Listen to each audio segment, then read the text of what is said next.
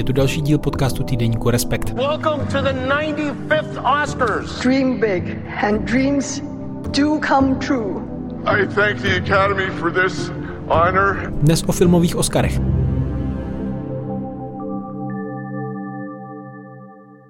Hollywood si odbil 95. ročník Oscarů. Já je rozeberu spolu s kolegyní Jindřiškou Bláhovou. Vítej, ahoj. Ahoj. Jindřiška se asi na dnešek nevyspala tak jako obvykle, protože si sledovala Oscary, předpokládám. Sledovala jsem, on je ten přenos eh, začíná v jednu hodinu po půlnoci a trval čtyři hodiny, pokud se nepletu, do pěti do rána.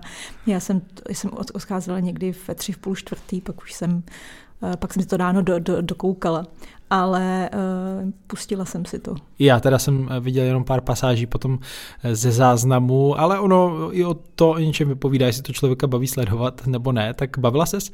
Moderoval to Jimmy Kimmel? Jimmy Kimmel byl, já ho mám docela, já ho mám takový jako bezpečný, on to moderoval vlastně po třetí, je takový bezpečný typ moderátora, který hezky jako vybruslí z různých, uh, není to kontroverzní typ jako třeba Chris Rock, který je mnohem ostřejší v té, v té komedii, uh, nebo v tom humoru, on je takový opravdu jako konferenciér takového toho starého, starého střihu s nějakými trošku jako riskantním řezáním do nějakých věcí, jako je třeba gender. Uh, a je to vždycky v rámci jako uh, toho příjemného večera, že, že nikdy není, nikdy není jako ofenzivní, neútočný jako Ricky Gervais, že jo, to, to není vlastně tenhle ten typ moderátorství. Ten jeho monolog 14-minutový na začátku byl jako profesionální, vlastně jako do, i, i, tam, i tam byly jako docela takové jako dobře posazené momenty. James Cameron is not here, uh, by the way, tonight. You know, you know a show is too long when even James Cameron can't sit through it. Some of the cynics are saying Jim Cameron isn't here because he didn't get a Best Director nomination. And uh, while I find that very hard to believe about a man of such deep humility, he does have a point. I mean, how does the Academy not nominate the guy who directed Avatar? What do they think he is, a woman? What a když třeba nepřišel nebo ne, večera se neúčastnil.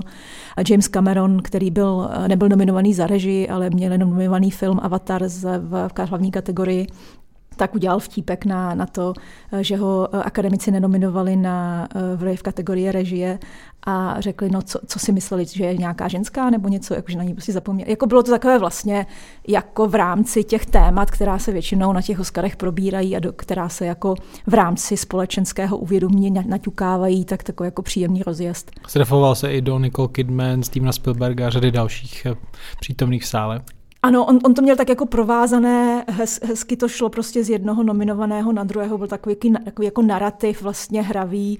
A, a kamera je sledovala taky, což... Kamera je vždycky sleduje, vždycky sleduje taky, takže je to takový napůl jako představení těch lidí, protože řada diváků čeká na ty hvězdné tváře. Stephen claims he's never even smoked weed, which I find hard to believe. You mean to tell me you were sober when you made a movie about an alien who eats Reese's Pieces all day and... Can't remember how to phone home? You were high as a bike when you made that movie. Steven is the first director to be nominated in six different decades for an Oscar. Jako nezmínit, že Steven Spielberg, ale zároveň ho zmíní v nějakém jako lehce kousavém kontextu a teďka je to takový, ten, takový to jako popichování, ale je to vždycky v nějaké úctivosti, nikdy to nebylo vlastně agresivní. Hmm, stejně tak popíchnul, myslím, Toma Cruise, který tam nebyl přítomen. Toma Cruise taky zmínil a tam zase udělal vtípek na, eh, na to, že možná Tom Cruise je přítomný, ale v masce jiného nominovaného. A, takže to, to bylo vždycky takovém jako um, Třeba na Toma Cruise byli, byli přísnější jako uh, Billy Marr, který říkal, že, že je mu strašně líto, že tam nebude, nebo že doufá, že to vyhraje, protože že bych chtěl slyšet, jak někdo děkuje ne Bohu, ale tomu uh, scientologickému, jak se jmenuje, ta hlava té, té církve, nějaký, nějaký prostě sedmý plán, nějaký, nějaký typ jako božství, tak si z něho tak jako utahovali z té, z té jeho víry. Ale ten tam také vlastně nebyl, přestože Maverick byl nominovaný také mezi tou desítkou nejlepších filmů. Hmm, se snažil trošku připomenout to, že filmařina nebo Hollywood je zpátky po těch pandemických letech, že se vrací do starých kolejí. Aspoň taková snaha z toho trochu čišela. Vnímala mm. to taky tak? Nebo? No, Ono vlastně to jakoby je nevyhnutelné ve smyslu toho uh, obecného tématu. Ten večer byl hodně sentimentální, ve smyslu jako návratu do minulosti nebo návratu k nějakým jako dědictvím a k tomu, co Hollywood vlastně jakoby byl v těch jednodušších, řekněme, časech, kdy studená válka byla srozumitelný konflikt, kina byla kina, streamování nic nekomplikovalo, maximálně jsme řešili video, nebo Hollywood řešil video a už to už také neřešil. Takže přes vlastně tyhle ty jako typy vyprávění o té, o té minulosti, vy třeba, že o vítězství Jamie Lee Curtis v kategorii nejlepší herečka ve vedlejší roli za všechno všude najednou, což je přesně ten ideální typ jako toho vyprávění. On hlasatelí uvedl tím, že se objevila ve filmu Halloween, což je jeden z ustavujících klasických ikonických filmů žánru hororu a teen slasheru. Ona je známá jako takzvaná Scream Queen, že jo, jako v rámci teen slasher žánru. A takže to dědictví a zároveň znásobené dědictví, že ona je vlastně z hollywoodské honorace, její otec je Tony Curtis, její matka Janet Lee, takže jsou to, je to opravdu jako ten klasický starý Hollywood, který poprvé, ona přestože je přes 60, tak uh, nikdy nebyla nominovaná. A poprvé byla nominovaná a vyhrála to. Takže takové to zbíhání těch jako sentimentálních narrativů je vždycky vítané. No než si rozebereme ty jednotlivé kategorie, tak uh, řekla bys, že se zapíšou tyhle Oscary do historie ve srovnání třeba s těmi předešlými ročníky něčím, že budou nějak vyčuhovat. Letos se tedy na pódiu nikdo nebyl, když no, facka, odkážu na Vila Smise. Facka, facka nepadla, tak to se těžko překonává, že jo? protože z té facky jako žil jednak teda Bulvár a tak dále, ale samozřejmě i Will Smith a Chris Rock, který poté se vypravili na své, na své turné a Chris Rock tu, tuhle událost nebo tuhle ten incident zase se k němu vrátil v nedávném stand-upu na Netflixu je to něco, co bylo jako vlastně úplně mimo v mnoha jako dimenzích. Scientologové byli zděšeni, v jakých dimenzích se můžou věci odehrávat. A bylo to vlastně jako hodně i zvláštní vzhledem k, té, k tomu, tomu rasovému kontextu, kdy to zase někdo mohl vykládat jako podívejte se, to se stane, když eh, dáte vlastně černochům nebo černým obyvatelům Ameriky nějakou moc, nějakou pozici, oni jsou to stejně strašní buraní. Jako bylo to takové vlastně strašně jako citlivé a úplně bizarní. A myslím, že to docela udělalo těžkou hlavu procentům toho večera, protože to je jako velká produkovaná akce, která stojí prostě 60 milionů dolarů ji udělat. A najednou se stane takové jako fopa, vlastně, jako, které se nedá nějak jako uhrát.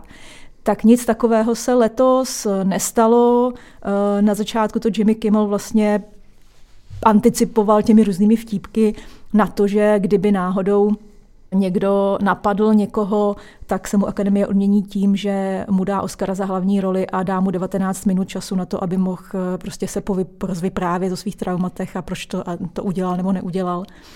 Eh, a bylo to hodně jako připravené na to, že by se, kdyby se náhodou něco stalo, tak takové jako, jako opatrné ty ceny byly tak jako standardní, vlastně to předávání bylo standardně dlouhé, jako takové legrační věci, jako že místo červeného koberce je koberec v barvě šampaň, aby se o něčem jako mluvilo. Zároveň byly hodně apolitické, což eh, je taky jako zajímavé a hodně se upozadnili témata, které do, která vlastně byla intenzivně spojovaná jako je mýtu nebo uh, Oscary, které jsou příliš bílé, malá diverzita. To jako by najednou zmizelo a ono to i nahrává tomu, té změně vlastně té geopolitické situace, kdy najednou je to trošku jako ta debata o něčem jiném, i ta Amerika se ocitla jako v jiné situaci. Že si organizátoři řekli, chceme tradiční zábavu, nebudeme experimentovat. Já nevím, do jaké míry můžou kontrolovat to, co řeknou samozřejmě vítězové.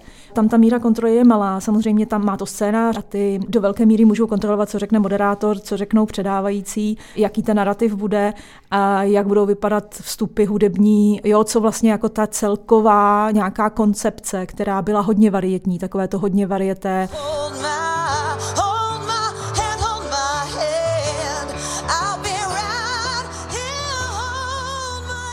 vždycky klasicky prostě velké hvězdy. Lady Gaga zpívá, Rihanna zpívá svůj nominovaný song.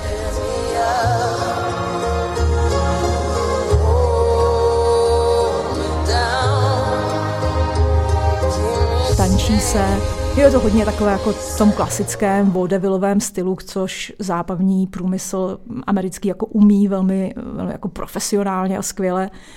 A potom záleží na těch jednotlivých nominovaných a vítězech, co vlastně udělají s tím svým prostorem. A většina z nich, kromě řekněme třeba přebírání ceny za nejlepší dokument, za dokument Navalny o Alexeji Navalném, vůdci vlastně opozice protikremelské nebo protiputinovské, kde ta politika byla jasná, tak se třeba ta politika příliš dostávala, ani se neřešilo, že, je, že, že jako ženy tohle nebo něco jiného.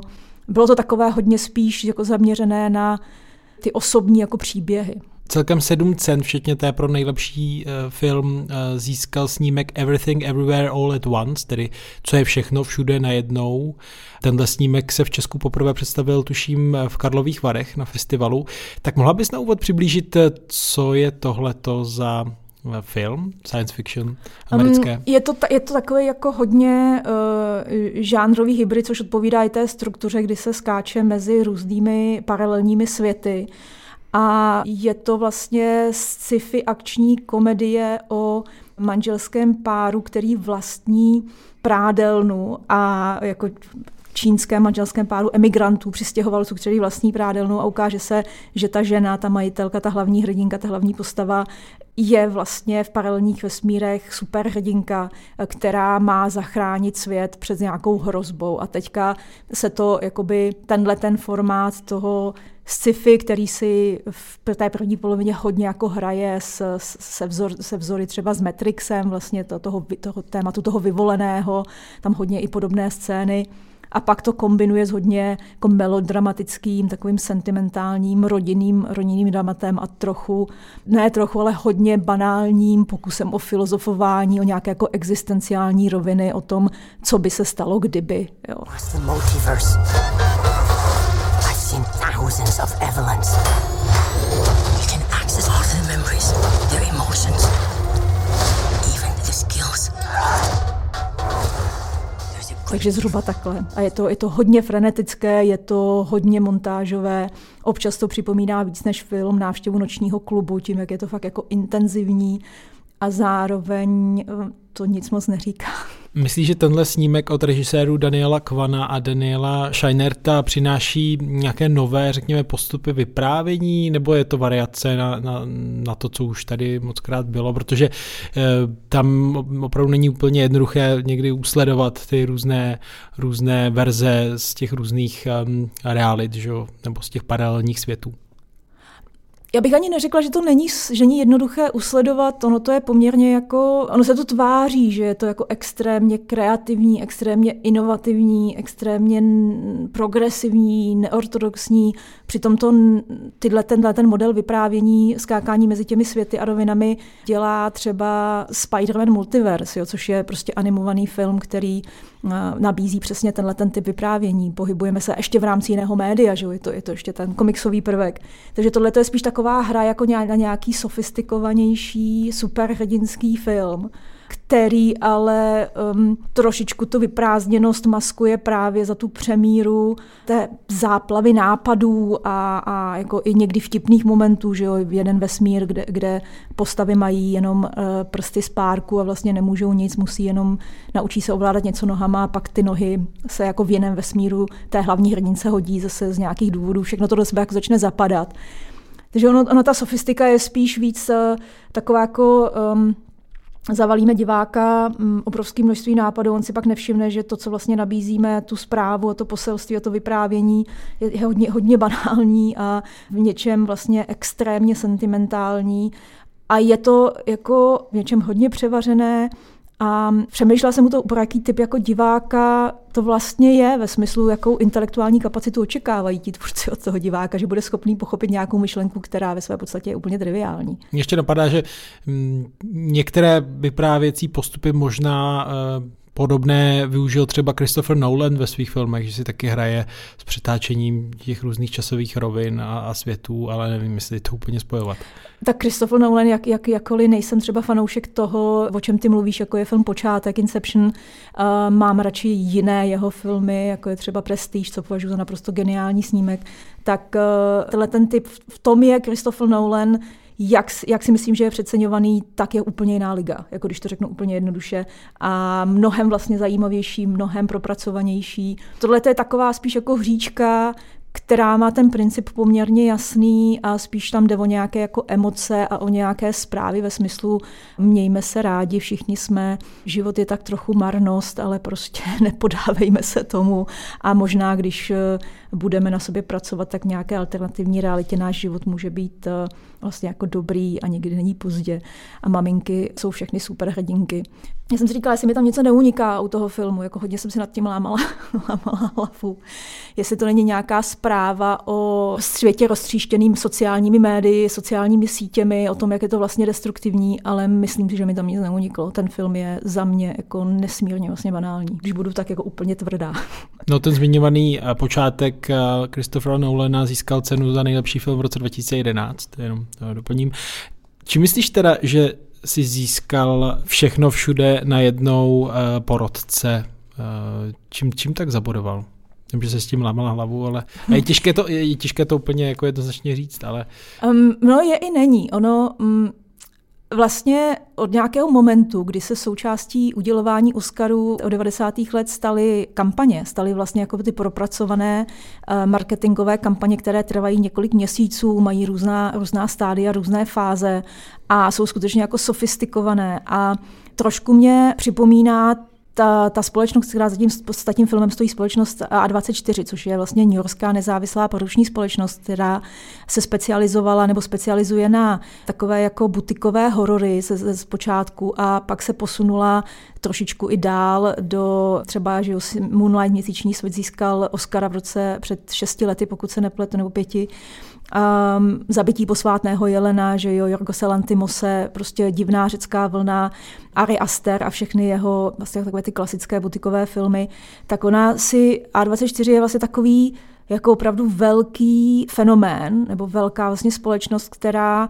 mi připomíná trošku Miramax 90. let, eh, jako v jiném segmentu, ale ve smyslu toho, je to ta nezávislá firma, která najednou schopná, je schopná dotlačit nějaký film ať už jakékoliv kvality, k té vysněné metě, protože vlastně hraje tu hru uh, velmi sofistikovaně, je schopná vytvořit nějaký narrativ, uh, v tomto případě se strojoval narrativ toho filmu a narrativ těch herců, a budovat ho a přesvědčit vlastně ty hlasující, kteří někdy třeba ty filmy ani taky nevidí, je jich jako hodně, samozřejmě bavíme se o velké množství, o tisícovkách lidí, kteří hlasují, ale v tomhle tom hraje potom roli ten, ta schopnost jako odvyprávět ten příběh a zaujmout uh, s tím filmem a, a nabal udělat jako efekt sněhové koule. A tohle to se, myslím, A24 povedlo úplně mm, vlastně bravurně, že nikdy nestratilo to ten, eh, ten pohyb dopředu, to momentum, to takové to perpetuum dopředu.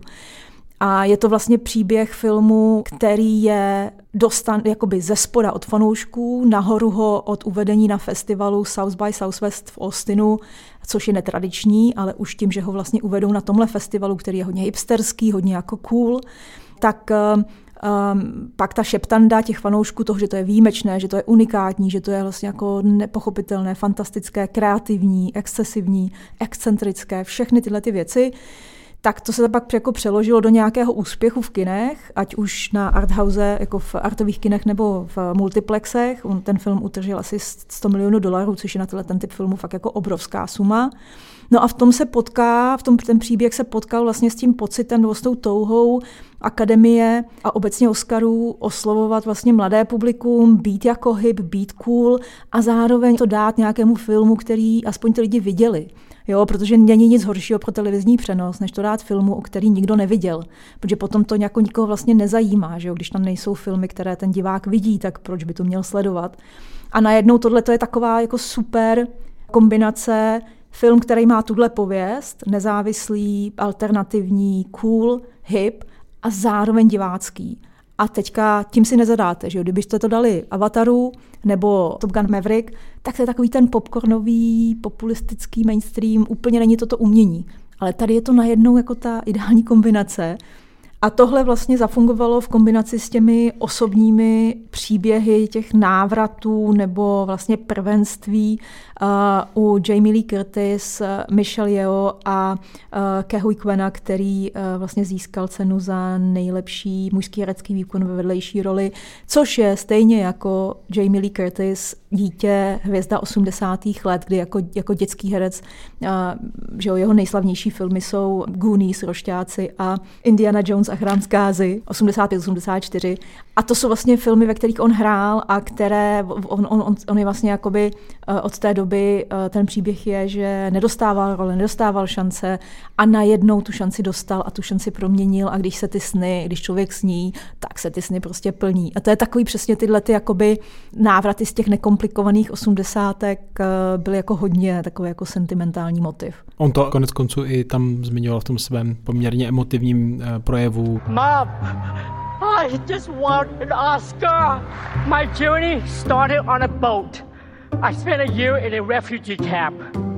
And somehow, I ended up here on Hollywood's biggest stage. Jasně, a i v té své cestě o to, že, že to, že on, má vlastně, on je větnamsko-čínsko-hongkongského původu, o tom, jak přijel na lodi emigrant do Ameriky, jak byl v nějakém jako táboře vlastně uprchlickém a pak se stal, začlenil do té společnosti a jak to vlastně jakoby úplně, jak byl frustrovaný z toho, jak se mu jako nedaří a najednou přišla tato role a změnilo se to a je to úplně jako famózní po 30 letech. Herec tedy um, americko-azijský. Tím můžeme navázat tedy na už zmíněnou Michelle Yeoh, um, která získala cenu za nejlepší uh, herečku uh, v hlavní roli. To je tedy 60-letá rodačka z Malajzie a je to vlastně vůbec první ocenění pro, pro Aziatku v, té, v této kategorii. Tak Myslíš, že podala opravdu tak přesvědčivý výkon, že, že třeba um, uspěla i díky tomu, že měla tolik variant hereckých, které mohla předvést v tom filmu, protože ten je založený na tom, že hraje tedy jednu ženu, ale v tolika světech, že, že to je vlastně mnoho, mnoho různých um, person. Je pravda, že ona je vlastně víc známá západnímu publiku z, z, z, z akčních jako spektáklů jako Tigra a drák, že jo, to je její jako vlastně jako největší, největší film. Ona uh, vlastně vyrůstala nebo přešla, šla přes hongkongskou kinematografii, takže vyrůstala na tomhle typu, což třeba západní publikum tolik nezná přestože ta spojnice tam je jako úplně jasná, je třeba inspirační, nebo s přechodem mezi režisérama do Hollywoodu v 80. 90. letech z Hongkongu. A tahle ta role je trošku jako jiná v tom, že je vlastně mnohem charakterní, mnohem víc, eh, mnohem víc tam dostává možnost rozehrát různé jakoby polohy, eh, ať už je to frustrovaná matka, milující matka, eh, zmatená žena střední, nebo ne zmatená, ale spíš unavená žena středního věku, nebo dcera nespokojeného otce, která si musí sama vybudovat, jako sama vlastně postavit se sama za sebe a, a trvat na tom, že její rozhodnutí jsou třeba správná. Takže určitě jí to nabídlo nějakou jako větší, eh, větší plochu hereckou. Ten výkon je vlastně mnohem méně akční, než třeba u, to, eh, u eh, Kehui Quena, který je to hodně, jakoby hodně, hodně akční, hodně položený na té akci, u ní je to víc emotivní. A ale myslím si, že tam, že tam zase bylo hodně jako velký faktor to, i to, co bylo zdůrazňované v těch kampaních, jo, to prvenství vlastně, to, když to dostane, tak je Hollywood obecně má rád, jako, nebo tělasující často uvažují tak, že je, je baví je ta prvenství, vlastně to jako to objevitelství, to, že teďka se přepisuje ta historie, to je takový ten narrativ, který se pořád zdůrazňuje a teďka přepisujeme historii, to je to je prvenství, něco se děje. Herečky azijského původu dostali dva, byly dvakrát oceněné ve vedlejší kategorii ženské, tohle to je tedy ta první jakoby hlavní. A tohle to podle mě sehrálo jako velkou roli třeba v té konkurenci toho výborného, impozantního výkonu Kate Blanchett za Lily Tar ve, ve filmu Tar.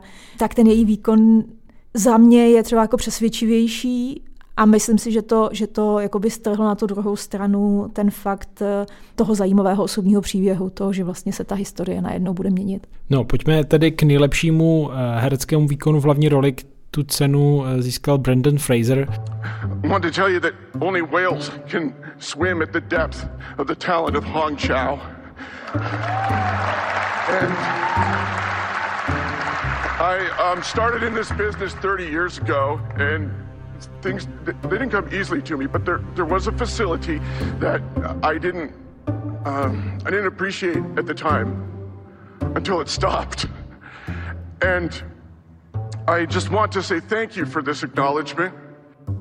To je tedy takový velký uh, comeback, uh, ale v téhle roli tedy mohl projít takovou tou velkou transformací, kterou tedy v Hollywoodu mají rádi, jak už jsme se o tom tady před pár týdny v podcastu bavili, tak uh, za co je tohle ocenění především? To je, no, to je, to je přesně ono, to je jako tomu, to, čemu já říkám uh, návrat ztraceného syna, to je zase takový jako ten, Uh, protože uh, Oscary jsou o marketingu. Oscary potřebují, jako Oscary jsou instituce, která potřebuje nějaké velké příběhy sama kolem sebe. A tenhle ten, tohle to je vlastně jako hezký velký příběh někoho, kdo kdysi byl hvězda, na konci 90. let se vlastně objevoval ve velkých blockbusterech, jako je třeba Mumie. Hmm, Král džungle. Král džungle, byl to zároveň přesně takový ten typ jako toho hezouna, takový jako zajímavý typ mužství nebo maskulinity, takový ten klasický hezoun.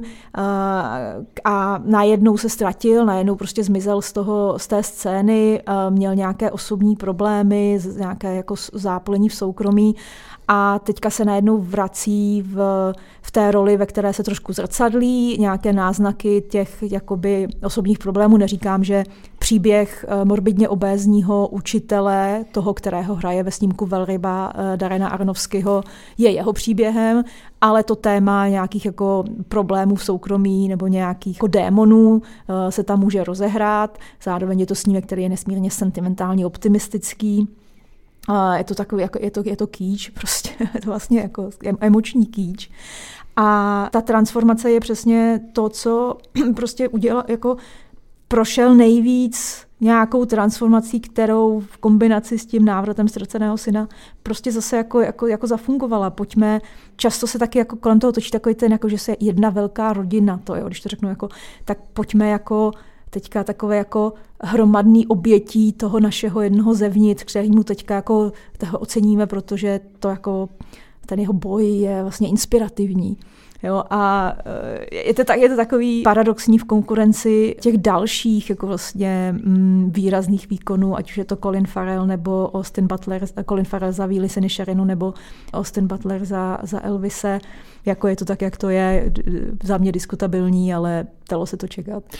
Tam je možná zajímavé zmínit, že i za tímhle eh, snímkem stojí to studio A24 z Manhattanu, které eh, už si tady uvedla, eh, tak to asi možná dokazuje tedy, že mají cit pro to, čím se chce továrna na sny blízknout v tom daném roce. Já si myslím, že oni spíš trefili jako trošku u toho Brenda Frasera. Je to jako asi je, je to mnohem jednodušší, protože je to prostě takový ten úplně klasický čítankový případ, kdy se to vyprávění, kdy se ten osobní narrativ dá vlastně jako snažně snadno odadnout a strašně dobře prodat. Um, Oni si podle mě víc jako dlouhodobě tak nějak budují nebo vychytali takový ten nějaký pocit znovu z těch 90. let, kdy Hollywood tehdy vlastně, kdy se prolomila nezávislá scéna a mainstream hollywoodský se tak jako do sebe, do sebe vlomili a Hollywood začal jakoby objevovat díky právě Miramaxu ty světy té nezávislé kinematografie a tím myslím třeba Sex, že a video nebo Pulp Fiction, historicky podsvětí, jo, přesně tyhle, ty, tyhle ty typy filmů, vypravicky jiné, kontroverzní, provokativní, noví autoři, Quentin Tarantino jako obrovský objev. A tenhle tu vzpomínku vlastně na to objevování té nezávislosti nebo těch drahokamů a to, těch skvělých jako nezávislých projektů, to si myslím, že A24 vlastně dělá a buduje. A na tom jakoby staví, že ani ne, nevychytává jako každoročně nějaké záchvěvy, ale že spíš dlouhodobě pracuje s touhle strategií a zároveň letos prostě měli film, který eh, vysloveně prodávali na tom, že je hip a cool a že Hollywood chce být hip a cool, protože mladé publikum se mu dlouhodobě nedaří oslovit ceremoniálem, který je pevně ukotvený v něčem, co mladé publikum prostě nezajímá a v historii, kterou nezná. Americký rozhlas NPR v souvislosti s Oscary napsal, že Oscary stále milují válečné filmy, v narážce tedy na ten snímek na západní frontě Klid, který tedy pozbíral několik cen, včetně tedy ceny pro nejlepší zahraniční film. Meine Mutter wollte nicht, dass ich in Krieg ziehe. Ich wollte ihnen zeigen, dass ich das kann. Ach, Paul. Ja, meine Hause kommen tak řekla bys, že je to tak, nebo se v tom spíš odráží i ten válečný rok v souvislosti s ruskou agresí na Ukrajině a že to téma války rezonuje eh, napříč médii, eh, že to vyhrál film podle Remarkovy klasiky, který ale vlastně v sobě má takový i pacifistický étos. Já bych řekla, že to je, že to je vlastně obojí, že to je kombinace, že to je kombinace obojího, že ten uh, žánr válečného dramatu, ono to nezačíná, že jo, jenom Spielbergem Zachraňte vojína Jamesa Ryana nebo uh, i třeba teda jiný typ bálečného filmu jako Schindlerův seznam, ale Zachraňte vojína Ryana asi to, k čemu se jako hodně často vlastně odkazují lidé, když mluví o tom, že má Hollywood rád jako válečné filmy, um, tak uh, ono to tam vždycky jakoby uh, je, protože ten světový konflikt, který už je ale hodně, který začíná být jako hodně daleko, že jo, tak ten světový konflikt vždycky v sobě nesl přesně ty momenty toho, toho humanismu, to, to univerzální sdělení, to univerzální, to univerzální transatlantické téma, které uh, ti hlasující často jako američané nebo tak, tak jako rozpoznali jako jejich a vlastně to pro ně bylo mnohem srozumitelnější než třeba nějaké malé příběhy z Butánu, nějakém učitelovi z Butánu, jo, když to zjednoduším. A často ty filmy jsou takzvaně, že je na nich vidět i, uh, že na nich jsou vidět utracené peníze ve smyslu, že mají větší produkční hodnotu, že jsou vlastně jako velkolepější, že jsou nadizajnované tak, aby splňovali to, jak má vypadat jako velký film. A to si myslím, že funguje víc, bez, že to že spíš jako i bez ohledu na žánr, ale patří válečný film patří k takovým jako těm bezpečným žánrům. Komedie naopak je něco, co se prostě neocenuje, ale historické filmy se oceňují, nebo válečné filmy se, filmy se oceňují. A ten pacifismus v roce války, myslím, že je výrazný faktor, že pro plno lidí tohle téma nebo to vlastně hlasování pro film, a kterým se nějak přihlásí, aspoň částečně v rámci svých možností v té, v té komunitě k tomu, že rozeznávají ten, ten jako obrovský problém, který na Ukrajině je. Byť třeba producenti stejně jako loni zamítli žádost eh, Volodymyra Želenského a o to, aby byl telemostem spojený a promluvil vlastně k publiku, tak ocenili Navalného, oceni, ty hlasující ocenili na západní frontě klid je to obojí. A také je to nějaká zpráva o síle Netflixu. Určitě, určitě, protože Netflix um, hodně zabojoval nebo hodně si pojistil to, aby co nejvíc hlasujících ten film vidělo, což je vlastně vždycky ta výhoda v momentě, kdy najednou, že jo, ti hlasující nemají třeba povinnost vidět všechno a teďka viděli tenhle film, tak uh, je ta obrovská výhoda, když má někdo vlastně ty peníze a tu sílu a ten nástroj, jako je samotný Netflix, aby ten film vlastně se dostal k těm distributorům, plus kampaň, která je mnohem prostě dražší a Netflix má s tím letím zkušenosti, vys třeba Roma pár let zpátky, že jo, velmi jako schopný v tomhle ty peníze utratit. Tak byly ty letošní Oscary pro tebe, řekněme, překvapením, nebo si dostala porci zábavy a filmových scén, které si čekala? To jsem, tak, to jsem nedostala, myslím, že od roku 1998 eh, ve spojitosti s Oscary. Mám pocit. A otázka je, jestli to je těma cenama nebo uh, věkem, jestli prostě je to nějakýma jinýma jako preferencema. Ale uh, spíš, mě, spíš mě asi jako zaujalo, uh, než by mě něco jako překvapilo, spíš mě jako zaujalo, jak, uh, nebo člověk jako napadá, když se dívá, já jsem si teda pustila i ten red carpet, ten červený koberec předtím, tu pre-show, což, jsou, což je několik hodin, kde vlastně defilují ti hosté a chodí, chodí, chodí a že ho pohybují se po těch značkách a, a u těch, foto, a u těch fotografů a ptá se každý to, to oblíbená otázka uh, what are you wearing nebo who are you wearing, co máte na sobě a baví se tam úplně jako nesmyslných věcech, který patří k tomu rituálu, prostě je to nějaký rituál. Tak tam vlastně, když se na to člověk jako dívá tak a, a pozoruje to třeba několik hodin, což je hodně zvláštní zážitek, tak je tam hodně jako patrná, nebo ještě si uvědomí to, co vlastně ví nebo tuší, ta obrovská jako míra nějaké jako mechaničnosti, která to, že vlastně se z těch Oscarů vytratilo opravdu hodně, vytratila nějaká, byť vždycky hraná, byť vždycky předstíraná, bavíme se o lidech, kteří se živí tím, že předstírají něco, herci všichni. Je to, je to nějaká jako velká hra a, každý tam zná tu svoji roli, ví, co má hrát, jde tam v nějakém oblečení. Tak jak se tam jako vytratila nějaká míra fakt jako vzrušení nebo překvapení nebo nějaké spontaneity nebo toho, že, a já si myslím, že je to hodně spojené s tím, že vlastně uh, Hollywood nemá hvězdy. A to je podle mě jako jedna obrovská kontradikce, kterou nevyřeší ani jako jakýkoliv facelift jako večera nebo jakýkoliv uh, trik ve smyslu omladíme moderátory, vymyslíme jiné kategorie, zrychlíme to, dáme tam Rihanu, dáme tam Lady Gaga. Prostě ta hvězdná síla jako by se vytratila, fakt zmizela. I fakt, že vlastně největší hvězda současného Hollywoodu, ať si o něm myslíme cokoliv, Tom Cruise na tom večeru nebyl. O něčem vypovídá. Může to být jenom o nějakém jako vnitroprůmyslovém jako vztahu nebo něčem, to je, to je jedno. Ale vlastně to, tohleto, tato absence toho že ten divák je fascinovaný tím světem, který, ať už je jaký, jakýkoliv, ale vždycky to byl jako ně, něco mimo tenhle svět. To, že se to vlastně stalo tak jako Z celebrity nebo Bčkové celebrity, že to je spíš jako celebritní než hvězdné. A to jenom pokud to člověk vnímá jako třeba i profesně v nějakém jako globálu a v nějakých historických souvislostech a přemýšlí, co se s tou cenou vlastně stalo, jak si ta instituce stojí, proč vlastně je to takový trošku boj s větrnými mlýny ze strany těch producentů, aby to bylo atraktivní, aby se na to ti lidé dívali, protože oni vlastně ztratili ty hlavní momenty, kterými to publikum mohli přitáhnout. A zároveň nemají filmy, které by byly to pro to publikum, nenatáčejí nebo vznikají filmy, které jsou pro to publikum, které se na to dívá. A nejsou schopni oceňovat filmy, které, eh, na které se dívají lidi, kteří oni by chtěli přitáhnout. Tak oni jsou, vlastně je to jako zajímavý, v jakém hlavolamu a vlastně nezávidní hodné situaci, nebo v jaké krajině se ten průmysl ocitá a jak zkouší pořád udržet něco, co je 95 let staré a zrodilo se v úplně jiném kontextu a jak se to snaží naroubovat na ten dnešek a jak vlastně jako ten vnitřní zápas a to pnutí.